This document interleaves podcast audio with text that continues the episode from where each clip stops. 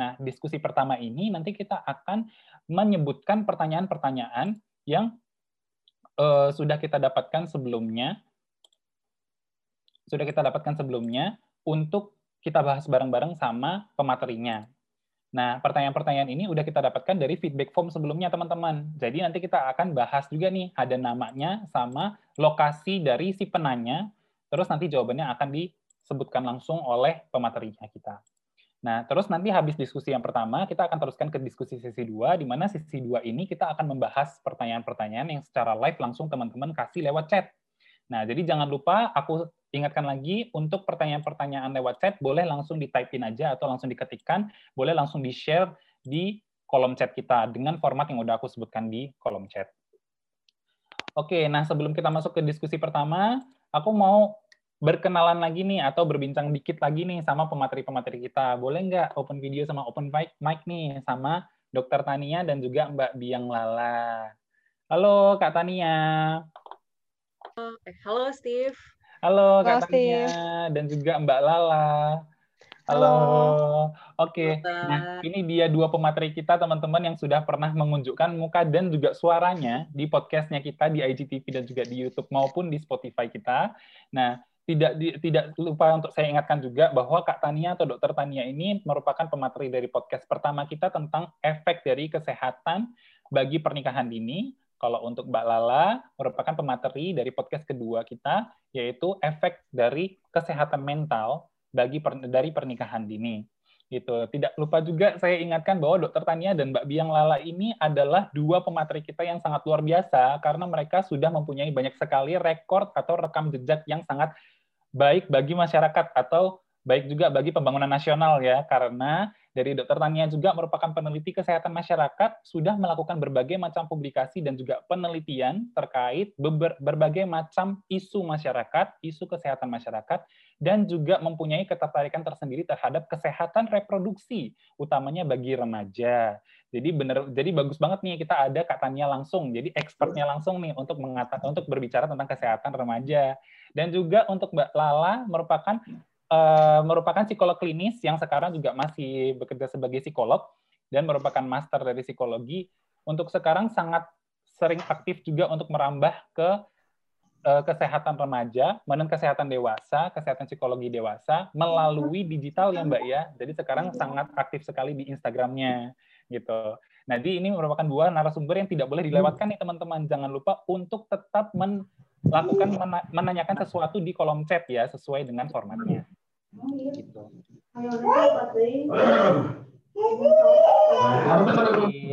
Tanpa berlama-lama lagi untuk diskusi kita sesi pertanyaan pertama, ini ada beberapa list pertanyaan nih untuk Mbak Lala dan juga Mbak Tania.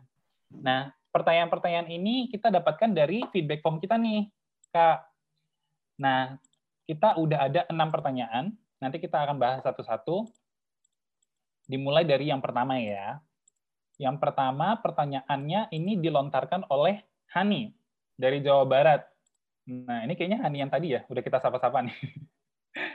Oke, nah pertanyaan ini dia menanyakan nih si Hani, bagaimana sih cara membuat teman kita yang sulit diajak memahami edukasi seks atau seputar edukasi kesehatan reproduksi Padahal dianya sendiri seseorang yang merupakan oknum yang akan menikah dini nih. Gitu. Nah, itu adalah pertanyaan yang menarik nih dari Hani dari Jawa Barat. Nah, untuk katanya dan juga sama Mbak Lala, mungkin untuk ini tentang edukasi seks dan seputar edukasi kesehatan reproduksi dari Mbak Lala atau Kak Tania siapa yang mau jawab duluan nih? Siapa nih, Dok? Panggil aku Steve aja, Mbak Lala. Oke, okay, Steve. Uh, Steve, terus aku manggil Tania dok ya. Karena sebenarnya seangkatan jadi kayak udah karena teman sendiri tapi uh, canggung ya manggil doknya.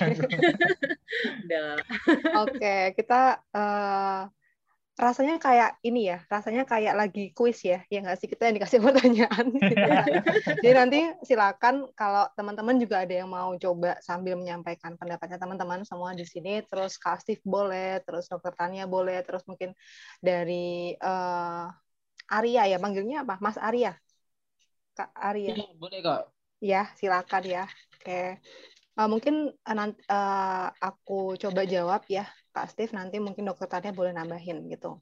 Tadi pertanyaannya adalah, hmm, gimana kalau aku punya teman dan temanku ini tuh mau nikah, tapi dia nggak mau dikasih atau agak agak resisten ketika dikasih edukasi tentang uh, seksual atau reproduksi, gitu ya, kurang lebih ya, ya seperti itu.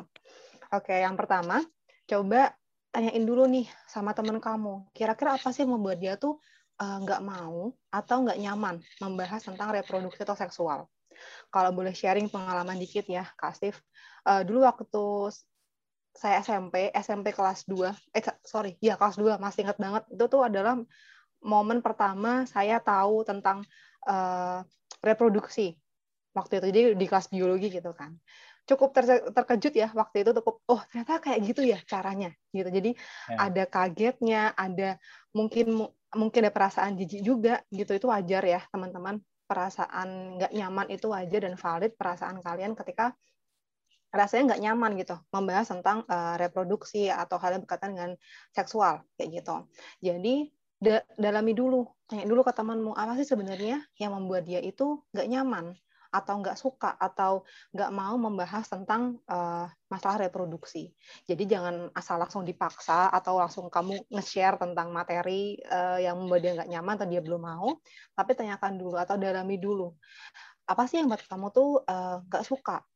Apa yang membuat kamu nggak nyaman? Mungkin boleh ketika sambil ngobrol, sambil sampaikan, apa sih pentingnya kita belajar tentang uh, reproduksi atau kesehatan seksual seperti itu. Dan boleh juga sambil di reminder bahwa uh, nanti ketika kamu menikah kamu akan menghadapi ini loh gitu. Ada baiknya kalau kamu belajar juga tapi dengan tidak maksa ya. Jadi kita kayak memberikan gambaran gitu bahwa ini penting. Seperti itu jadi dalami dulu aja apa yang membuat dia nggak mau atau uh, nggak nyaman gitu. Mungkin dokter Tania mau nambahin? Oke, makasih banget Mbak Lala tadi uh, pertanyaannya tentang ini ya memberikan berarti memberikan kayak pengertian kepada teman sebayanya ya. Jadi semacam Betul. peer counselor gitu ya. Ini memang ranahnya Mbak Lala banget dan tadi aku udah aku setuju banget sama apa yang Mbak Lala bilang ya. Kita harus tahu dulu nih sebenarnya kenapa sih dia nggak mau uh, kenapa dia resisten gitu. Kenapa dia menolak uh, dengan pendekatan kita. Nah kalau misalnya apa ya kita bisa evaluasi gitu. Bisa aja ini kan memang topik kesehatan reproduksi ini harus aku akui memang sebuah topik yang uh, nggak banyak dibicarakan bahkan sampai sekarang gitu. Dulu juga sama ya Mbak Lala, aku juga nggak terlalu banyak dapat uh, informasi tentang uh, kesehatan reproduksi dan um, apa ya ini sesuatu hal yang cukup tabu yang kita nggak nyaman ngomong sama orang tua atau sama guru gitu. Nah ini kok tiba-tiba teman kita uh, ngomong ini tentang kesehatan reproduksi gitu. Mungkin kan ada rasa nggak nyaman, jangan-jangan aku mau diajak ke arah yang nggak benar gitu. Ada masih ada stigma seperti itu yang uh, me, apa ya melingkupi uh, edukasi kesehatan reproduksi. Nah, makanya memang kita sebagai teman nih, kalau misalnya kita mau memberikan konseling atau uh, memberikan pendapat gitu ya sama teman kita ketika kita tahu teman kita ada masalah, itu masuknya memang harus pelan-pelan sekali. Isu kesehatan reproduksi ini, walaupun uh, kita sedang sama-sama berjuang ya untuk uh, menghilangkan stigma terhadap uh, edukasi kesehatan reproduksi, tapi kita juga harus mengakui bahwa ini adalah isu yang sensitif, terutama pada remaja. Apalagi kalau misalnya masuk ke isu menikah dini tadi gitu ya. Nah, itu mungkin sumber resistensinya banyak lagi gitu. Bisa jadi dia itu sebenarnya menikah dini karena keadaan gitu. Karena uh, karena sosial atau struktural yang uh, ada di tempat tinggalnya dia, yang ada di daerahnya dia gitu, atau dia dipaksa menikah oleh orang tuanya karena alasan ekonomi gitu. Uh, walaupun nggak menutup kemungkinan bahwa itu ada dari dirinya sendiri karena uh, influence dari media sekarang ya.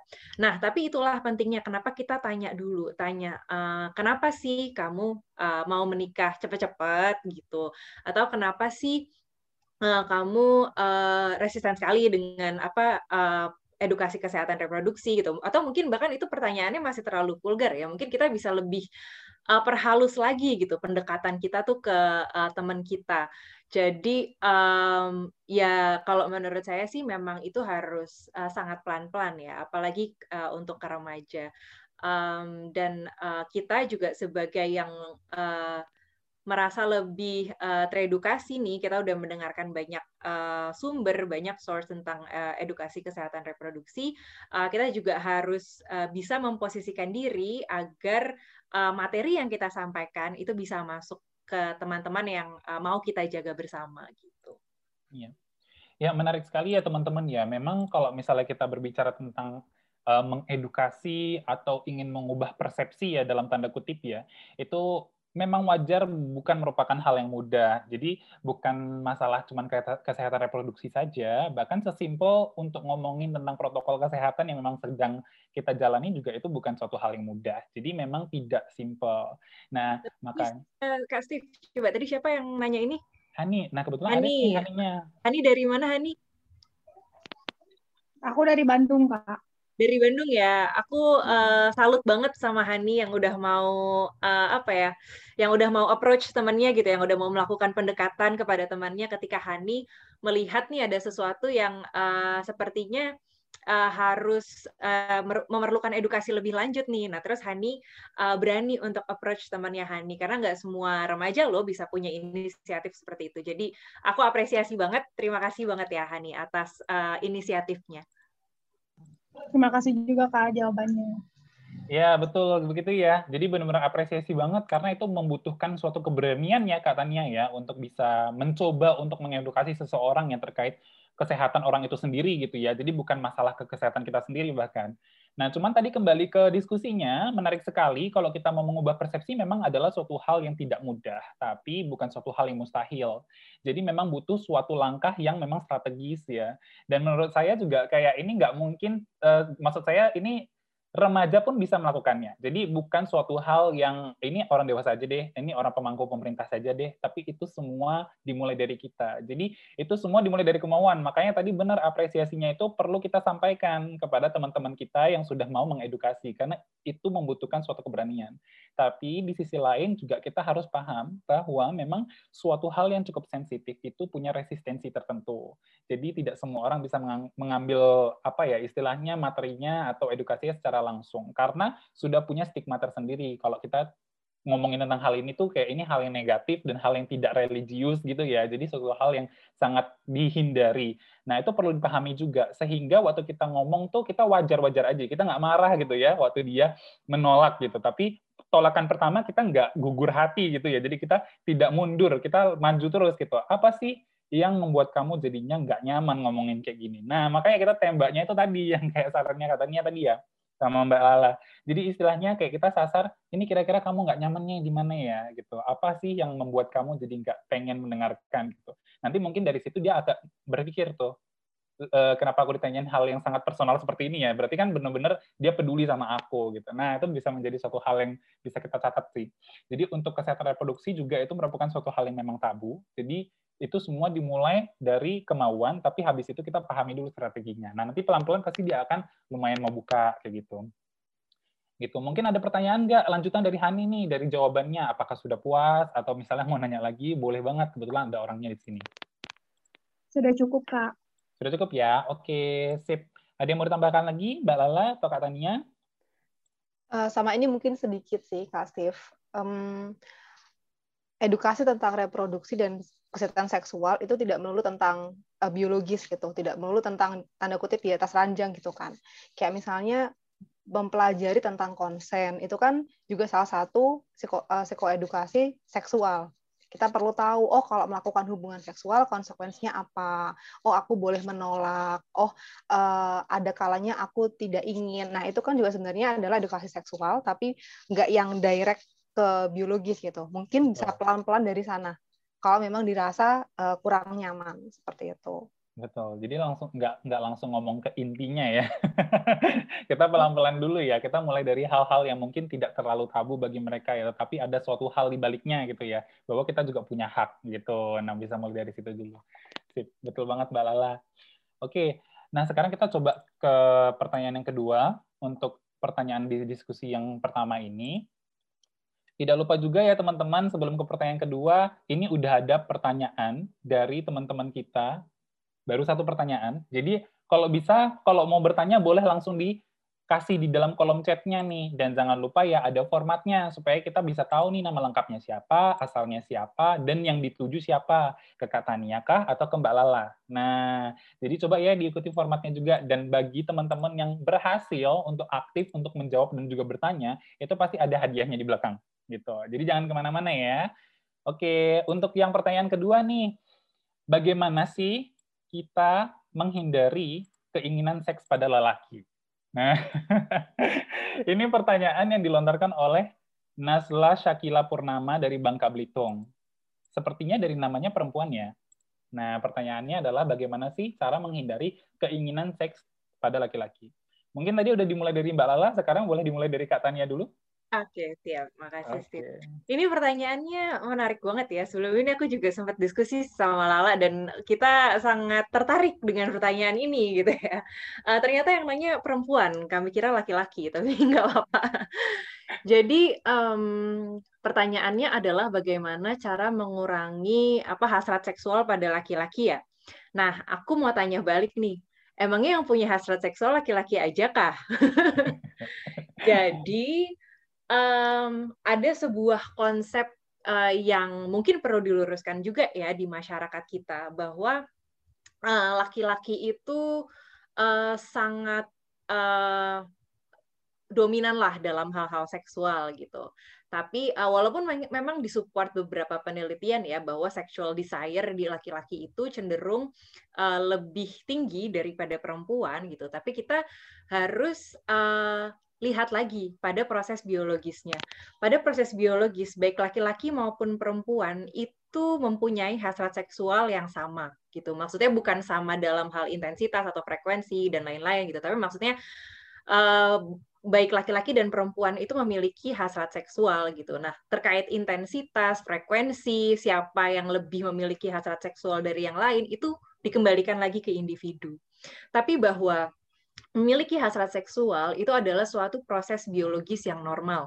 Kita sebagai manusia itu uh, pasti pasti akan memiliki hasrat seksual. Kenapa? Karena itu sangat berhubungan dengan uh, kelangsungan uh, eksistensi uh, manusia sendiri gitu kan. Kalau misalnya kita nggak punya hasrat seksual, kita nggak bisa bereproduksi. Gitu. Uh, manusia punah gitu kan. Jadi Eh, bahwa kita memiliki hasrat seksual itu hal yang sangat wajar dan hasrat seksual itu uh, muncul pada remaja itu juga hal yang sangat wajar. Nah, uh, sebenarnya sama aja sih um, hasrat seksual ini merupakan suatu uh, keperluan dasar manusia ya basic human needs gitu ya sama seperti rasa lapar gitu. Kita kan nggak bisa menghindari rasa lapar rasa lapar itu pasti ada. Tapi yang bisa kita kontrol adalah bagaimana kita uh, mengontrol hasrat tersebut gitu. Apa yang kita lakukan terhadap hasrat tersebut itu adalah yang bisa kita kontrol. Uh, pakai contoh rasa lapar dulu deh misalnya kita lapar nih, kita kan nggak menghindari rasa lapar sama sekali ya, nggak bisa. Pokoknya perut kita uh, keroncongan aja kalau misalnya kita udah nggak makan 7 jam, 8 jam gitu yeah. misalnya. Tapi misalnya kita ada pada kondisi di mana kita nggak bisa makan, di sana lagi nggak ada makanan, atau kita lagi puasa, kayak kemarin bulan Ramadan gitu kan, kita bisa mengontrol kan, kita bisa memilih untuk tidak makan gitu. Nah, begitu juga dengan hasrat seksual gitu bahwa hasrat seksual itu ada, itu pasti ada. Tapi apakah bisa dikontrol? Bisa. Makan aja kita bisa kontrol gitu kan. Makan yang uh, memiliki konsekuensi biologis kalau kita nggak capai nih, kita nggak makan nih, itu kita bisa kekurangan gizi, kemudian uh, ada penyakit lain-lain gitu kan. Nah, sedangkan kalau untuk hasrat seksual ini sendiri uh, apakah ada konsekuensi biologisnya gitu? Kalau aku pribadi sih belum menemukan ya ketika kita menahan hasrat seksual itu apakah ada konsekuensi biologisnya? Setahu aku sih belum ada, nggak ada gitu ya, belum ditemukan gitu konsekuensi biologis dari menahan hasrat seksual itu. Nah, uh, jadi balik lagi, hasrat seksual adalah sesuatu yang sebenarnya secara natural bisa kita kendalikan. Tapi sekarang ada persepsi di society kita yang lebih menjustifikasi, yang lebih memberikan ruang kepada ekspresi seksualitas laki-laki gitu. Mungkin nih kalau misalnya ditarik ke individu, laki-laki dan perempuan itu memiliki hasrat seksual yang sama. Misalnya ada, aku nggak ngomong secara general ya, ini udah uh, secara personal nih. Misalnya ada laki-laki A dan perempuan B gitu ya Uh, nah, mereka berdua ini kebetulan sebenarnya mereka punya hasrat seksual yang sama gitu. Tapi laki-laki ini kalau misalnya dia menunjukkan seksualitasnya ke masyarakat itu lebih bisa diterima daripada perempuan. Padahal kita nggak tahu nih sebenarnya siapa sih yang punya hasrat seksual lebih besar. Bisa aja perempuan ini punya hasrat seksual lebih besar tapi dia tidak menunjukkan. Gitu, itu dia. Jadi uh, kembali lagi ke pertanyaannya, gimana sih terus cara kita mengontrol? Sebenarnya kalau kita punya kesadaran bahwa itu adalah hasrat yang bisa kita kontrol, kita akan dengan otomatis mengontrol itu gitu. Tapi jika memang dibutuhkan uh, action lebih gitu ya untuk mengontrol hasrat seksual itu, uh, kita bisa uh, mendistraksi diri kita gitu. Misalkan melakukan hal-hal yang lain, olahraga atau melakukan aktivitas-aktivitas lain bersama teman-teman, mencari kesibukan itu sangat bisa uh, diupayakan ketika kita merasa wah ini hasrat seksual tidak tertahankan banget nih sementara kita belum menikah kita belum punya partner gitu untuk berhubungan seksual. Dan uh, proses menahan apa ya hasrat seksual ini sebenarnya nggak cuma pranikah aja tapi setelah menikah pun akan ada momen-momen di mana uh, kita harus menahan hasrat seksual gitu. Hmm. jadi uh, gitu ya siapa tadi yang nanya Tadi yang nanya itu Nazla, Kak. Cuman Nazla. Jadi gitu ya Nazla ya. Jadi kalau misalnya ada laki-laki yang bilang, uh, ya wajar dong aku uh, lebih uh, berhasrat seksual, aku kan laki-laki gitu. Kamu bisa bilang enggak juga gitu. Sebenarnya kamu bisa mengontrol itu gitu. Cuma hmm. kamunya aja yang mau atau enggak gitu. ya memang agak sensitif ya isu kayak gini ya kak ya. ya. Tapi ya memang merupakan pertanyaan yang penting juga karena memang kerap kali kita temukan di masyarakat itu kalau diajak aku harus gimana nih gitu kan. Hmm. Terutama yang ngomong tuh biasanya sih perempuan gitu. Kalau aku diajak sama laki aku tapi aku belum menikah gimana nih gitu. Hmm. Nah makanya ini coba kita bahas dari sisi biologisnya yang tadi ya. Jadi memang betul semuanya itu pasti punya hasrat seksual dan itu adalah hal yang normal. Semua manusia itu pasti punya. Nah, itu cewek dan cowok pun ada gitu. Nah, oke okay, itu adalah pandangan dari Dokter Tania. Nah, untuk sekarang mungkin aku gabung juga ya sama pertanyaan kita yang uh, cukup mirip, yaitu bagaimana sih caranya perempuan untuk menolak ajakan atau nafsu laki-laki yang sangat memaksa. Nah, mungkin untuk pertanyaan kali ini tuh bisa saya lontarkan ke Mbak Lala. Silakan Mbak Lala. Oke, menarik ya. Jadi adil ya. Gimana cara uh, menahan laki-laki menahan rasa seksualnya dan sekarang gimana caranya kalau aku nih kak sebagai perempuan punya pacar gitu kan atau punya pasangan uh, dia ngajakin aku berhubungan seksual tapi sebenarnya aku nggak mau. Bahkan nggak ngajakin tadi ya kak Steve maksa ya iya. istilahnya yeah. ya bahkan maksa yeah, gitu. sangat memaksa nih kak. Gimana nih?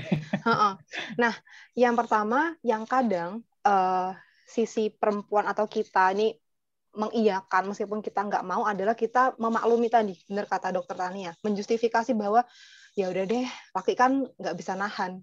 Ya udah deh daripada dia sama yang lain mending sama aku aja. Ada ada pemakluman seperti itu gitu teman-teman. Kadang yang kita membuat kita akhirnya menomorduakan diri kita adalah kita menjustifikasi bahwa seakan-akan laki-laki tuh nggak punya kendali. Enggak, teman-teman, laki-laki juga hebat gitu. Mereka juga punya kendali atas diri mereka, termasuk hasrat seksual mereka. Seperti itu. Mungkin kadang mereka uh, ya tadi mungkin ada yang beberapa orang alasan aja atau excuse aja gitu. Tapi pada dasarnya kita sebagai manusia punya kendali atas diri kita gitu. Itu yang pertama. Nah sekarang karena teman-teman udah paham nih bahwa oh ternyata laki maupun perempuan sama-sama punya nih hasrat seksual. Dan keduanya baik laki atau perempuan sama-sama punya uh, kendali dalam diri mereka. Jadi nggak yang asal di pingin terus lakuin kayak gitu kan. Jadi yang pertama itu tidak perlu menjustifikasi atau memaklumi gitu ah kasihan lah. Biasanya kayak gitu. Aduh kasihan pacarku dia udah kepingin banget apa segala macam yang pertama itu. Nomor satu kan dirimu. Kalau emang dirimu nggak mau ya udah gitu karena kan uh, mungkin teman-teman di sini punya value-value yang mendasar ya mungkin ada yang value-nya agama gitu kan di dalam agama teman-teman mungkin uh, tidak diperbolehkan gitu melakukan hubungan seksual di luar nikah atau value lain yang silakan teman-teman punya masing-masing gitu kan yang penting teman-teman tahu value itu value yang baik buat teman-teman. Uh, yang kedua, coba lihat konsekuensinya gitu. Kadang kita tuh mengiyakan sesuatu atau kita cenderung responsif terhadap ajakan, stimulus, apa pun itu ya, nggak cuma ajakan seksual dari pacar gitu ya. Karena kita tidak menyadari dengan penuh apa sih keuntungan tanda kutip konsekuensi ya, keuntungan dan kerugian yang akan aku hadapi ketika aku melakukan hal ini seperti itu. Jadi dipertimbangin dulu. jika kiranya terlalu banyak kerugian ketika aku melakukan hal ini atau aku belum siap atau ini berbeda dengan value-ku, teman-teman punya hak untuk bilang enggak.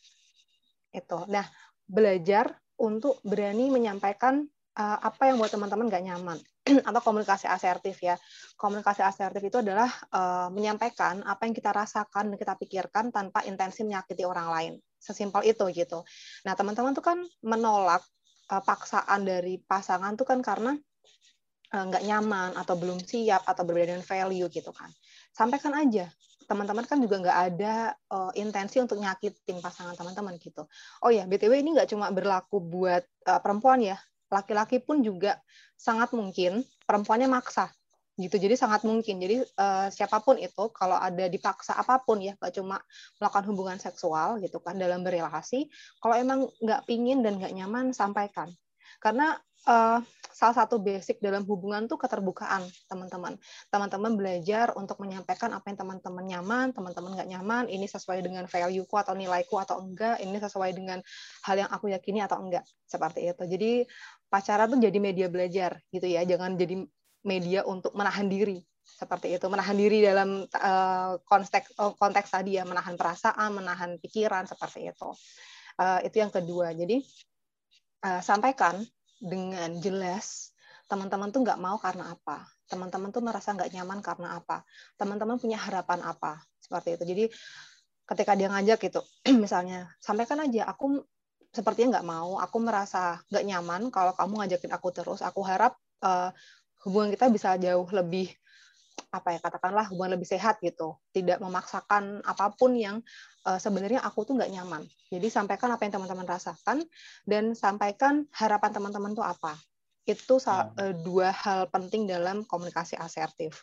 Seperti itu. Jadi sadari bahwa baik laki-laki maupun perempuan sama-sama punya hasrat seksual. Tidak perlu memaklumi tidak perlu kasihan tidak perlu menjustifikasi salah satu gender kayak gitu kan. Uh, dan sampaikan teman-teman Hmm, nggak nyamannya karena apa. Kalau dia masih maksa dan mungkin mengancam, ini sangat mungkin terjadi ya teman-teman ya. Saya cukup banyak uh, dapat klien tuh uh, dipaksa sama pasangannya, terus diancam kalau nggak mau gitu kan. Kalau teman-teman dipaksa yang sampai kekerasan atau di, uh, eh, diancam, uh, atau mungkin ada kalanya diancam bakal diputusin gitu. Kadang kita sebagai perempuan itu tidak mau atau enggan menolak permintaan dari laki-laki karena kita nggak mau ditinggal.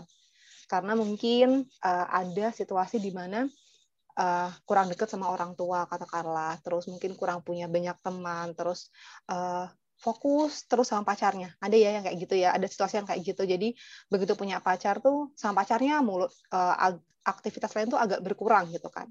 Nah, ingatlah meskipun teman-teman punya pacar, meskipun teman-teman berrelasi sama satu orang, teman-teman juga punya hak dan tanda kutip kewajiban untuk berrelasi dengan orang lain juga. Punya sahabat juga punya teman uh, terus buka hubungan sama orang tua sama keluarga kayak gitu. Milikilah sumber daya lain selain um, pacar kalian. Misalnya punya kayak tadi kata kak Tania uh, punya aktivitas lain punya kesibukan lain. Jadi ketika nanti pacar mungkin memaksakan hal atau mengancam akan mutusin teman-teman masih punya orang lain untuk teman-teman jadikan support system itu yang sangat penting. Karena kadang karena tahu kelemahannya nih oh tahu bahwa pacarku belum siapa-siapa. Pacarku cuma bisa sama aku doang. Dia akan mengancam dengan mutusin. Kayak gitu. Itu sangat mungkin terjadi dan cukup sering terjadi. Jadi uh, meskipun teman-teman berrelasi atau berpacaran usahakan punya sumber daya di tempat lain atau di uh, di orang lain. Jadi tetap punya support system. Seperti itu. Terus uh, jadi sadari bahwa hidupmu tuh nggak cuma tentang dia loh nomor satukan dirimu, prioritaskan dirimu. Kalau kamu memang nggak mau ya sudah, nggak apa-apa. Gitu, sampaikan yeah. dengan jelas. Itu yeah, sih, betul. Kak Steve. Ya, makasih banget Mbak Lala. Memang betul ya, kita kalau sekarang kalau kita ngomongin tentang hasrat ya, apalagi pada laki-laki, sebenarnya mereka memang punya kendali.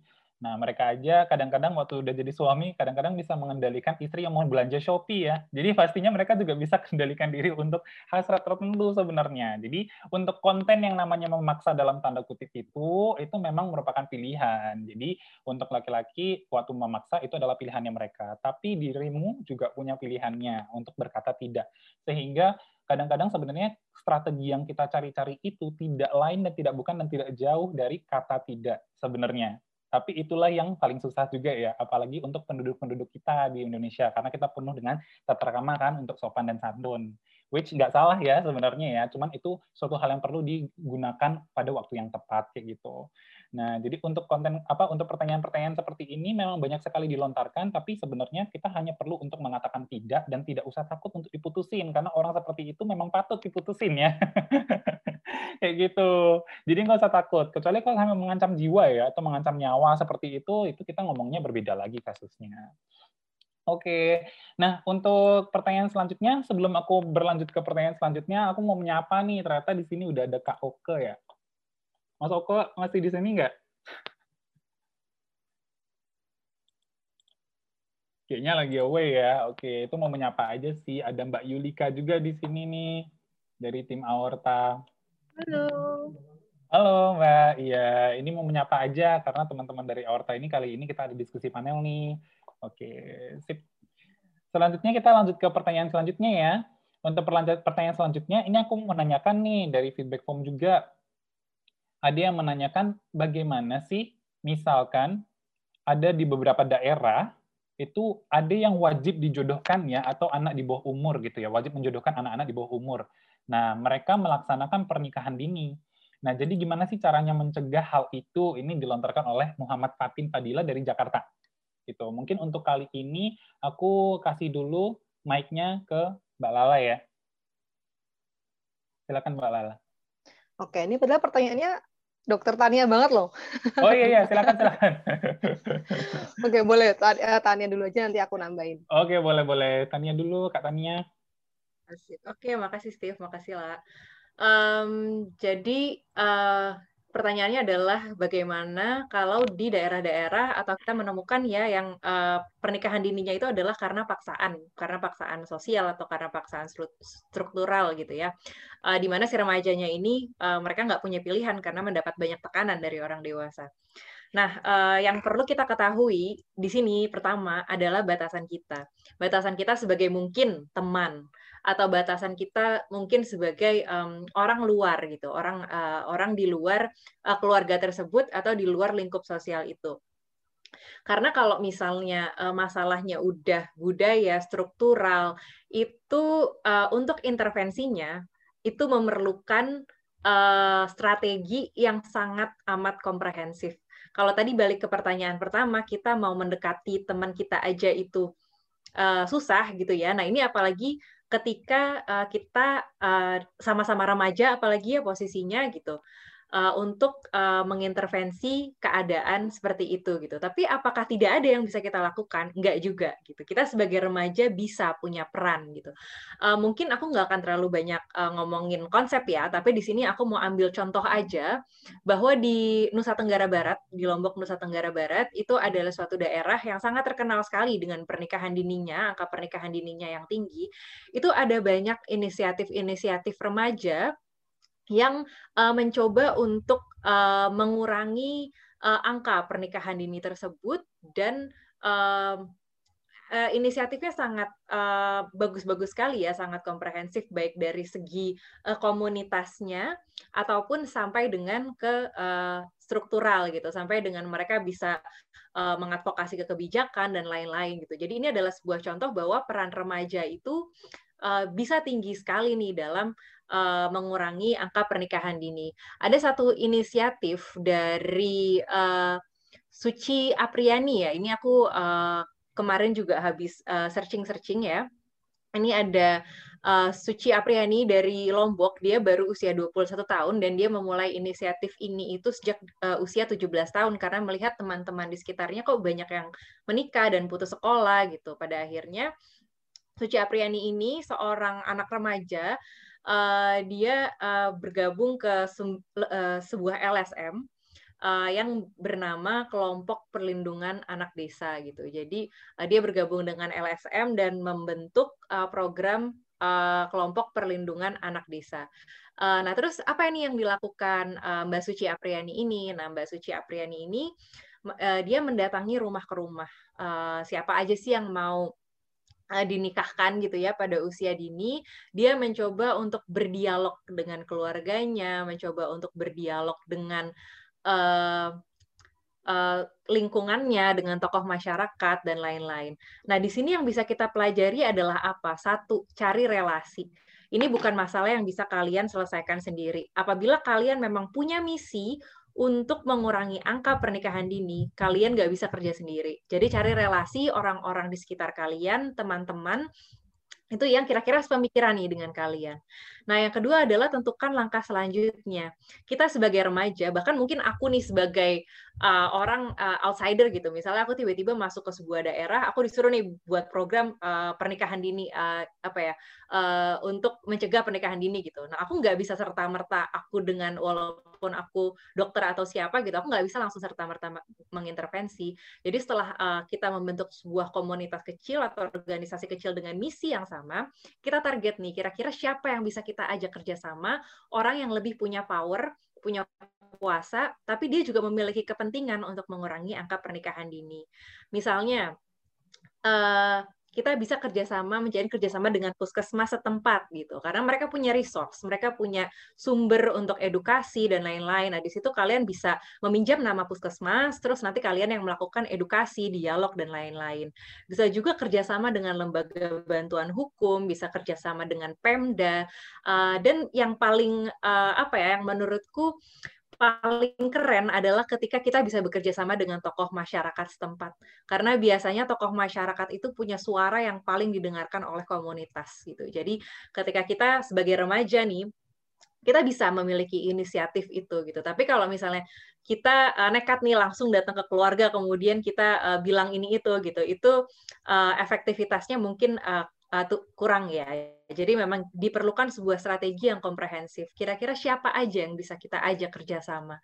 Itu yang bisa kita lakukan sebagai remaja. Dan kalau misalnya inisiatif ini ada pada remaja itu aku sangat apresiasi sekali sih, sangat itu itu keren banget, keren banget kalau misalnya kalian mau memulai inisiatif ini gitu. Tapi uh, penting untuk diingat bahwa uh, kalian nggak uh, kerja sendiri dan kalian nggak sendirian dalam memperjuangkan misi ini. Iya, kata Nia luar biasa ya. Memang itu adalah hal yang sulit sekali kita tackle sendiri. Jadi memang bukan bahkan impossible ya sebenarnya ya.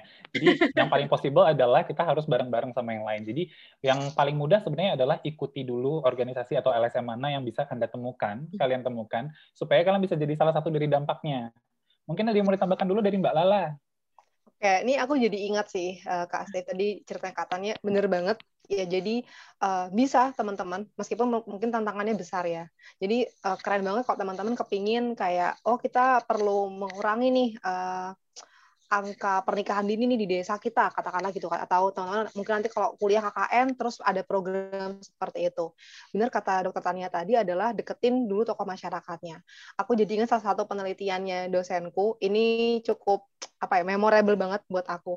Kata kayak kata dokter Tania tadi kan uh, bahkan yang mungkin sekelas dokter atau dosen atau peneliti pun kita nggak bisa langsung datang-datang ujuk-ujuk gitu kan. Langsung memberikan perubahan gitu atau mengubah apa yang dalam kultur atau uh, sosial mereka. Ingatlah bahwa kultur atau sosial itu adalah hal yang sudah diyakini berpuluh-puluh tahun gitu di daerah itu. Jadi pertama kita juga harus respect sama uh, penduduk daerah itu. Itu yang pertama. Yang kedua tadi deketin uh, tokoh masyarakatnya. Jadi ada satu penelitian dari dosenku dulu cerita bahwa kayaknya sama deh, sama tentang uh, edukasi uh, seksual buat, tapi waktu itu buat buat ibu gitu kalau nggak salah atau semacam itu gitu kan. Nah, mau masuk ke sebuah daerah, mau memberikan edukasi terkait hal tersebut. Nah, karena si tim dosen ini menyadari bahwa kita ini orang asing loh, nggak mungkin kita masuk langsung dipercaya omongan kita. Maka dari itu, tim dosenku ini datang ke salah satu tokoh masyarakat. Nah, siapa ya di sini yang paling dipercaya omongannya itu siapa? Ternyata di daerah itu tuh salah satu orang yang paling disegani, dipercaya adalah dukun. Jadi uh, masyarakat di situ kalau ada masalah apa pun larinya ke dukun tersebut, kayak minta didoain gitu sama dukunnya. Yeah. Nah akhirnya melakukan pendekatan lah tuh tim dosen melakukan pendekatan ke dukunnya. Uh, Pak dukun boleh nggak kalau nanti ada yang minta doa ke bapak, uh, syaratnya harus memberikan sertifikat bahwa mereka sudah mengikuti penyuluhan tentang uh, edukasi seksual ini. Oh iya boleh gitu kan. Akhirnya melakukan pendekatan dengan dukunnya, dukunnya oke. Okay. Akhirnya semua masyarakat itu datang ke penyuluhannya karena mereka mau dapat sertifikat. Kalau nggak bisa sertifikat, mereka nggak bisa dapat doa dari dukunnya. kayak gitu. Jadi emang harus kreatif banget ya teman-teman. Jadi cara apa pun dilakukan, uh, melakukan pendekatan dulu, tanya-tanya ke masyarakat, kira-kira di sini yang dipercaya siapa, caranya gimana, seperti itu. Uh, sangat bisa dilakukan, tapi ya tadi memang penuh tantangan. Tapi uh, aku, uh, Dokter Tania, Kak Asif, kami semua sangat mengapresiasi kalau teman-teman mau mencoba gitu, karena bisa memberikan dampak yang positif kan bagi lingkungan dan teman-teman uh, seusia kalian. Iya, betul. Dalam tanda arti berarti ini sebenarnya tidak usah berkecil hati sebenarnya ya kita semua yang remaja-remaja seperti ini karena siapa pun sebenarnya bisa jadi bagian dari dampak itu. Bahkan dukun sekalipun ya yang tadinya sangat dilihat sebelah mata banget nih apalagi bagi tim medis di awal-awal dulu nih. Sekarang bahkan dukun banyak sekali kita apa ya, kita guide ya. Jadi istilahnya kita rangkul juga nih untuk membantu merujuk pasien-pasien yang datang ke beliau yang memang butuh penanganan medis gitu. Tapi dengan catatan nanti kita kasih insentif dan lain-lain. Itu memang suatu strategi tertentu ya. Jadi intinya adalah kita tidak usah berkecil hati ya, tapi kita bisa melakukan maksudnya istilahnya dengan berkecil hati kan kita nggak akan melakukan apa pun nih. Nah, kita coba hal yang sesimpel apa pun itu pasti akan bermakna. Siapa pun pasti akan bisa jadi bagian dari perubahan gitu. Ya, bagus banget ya.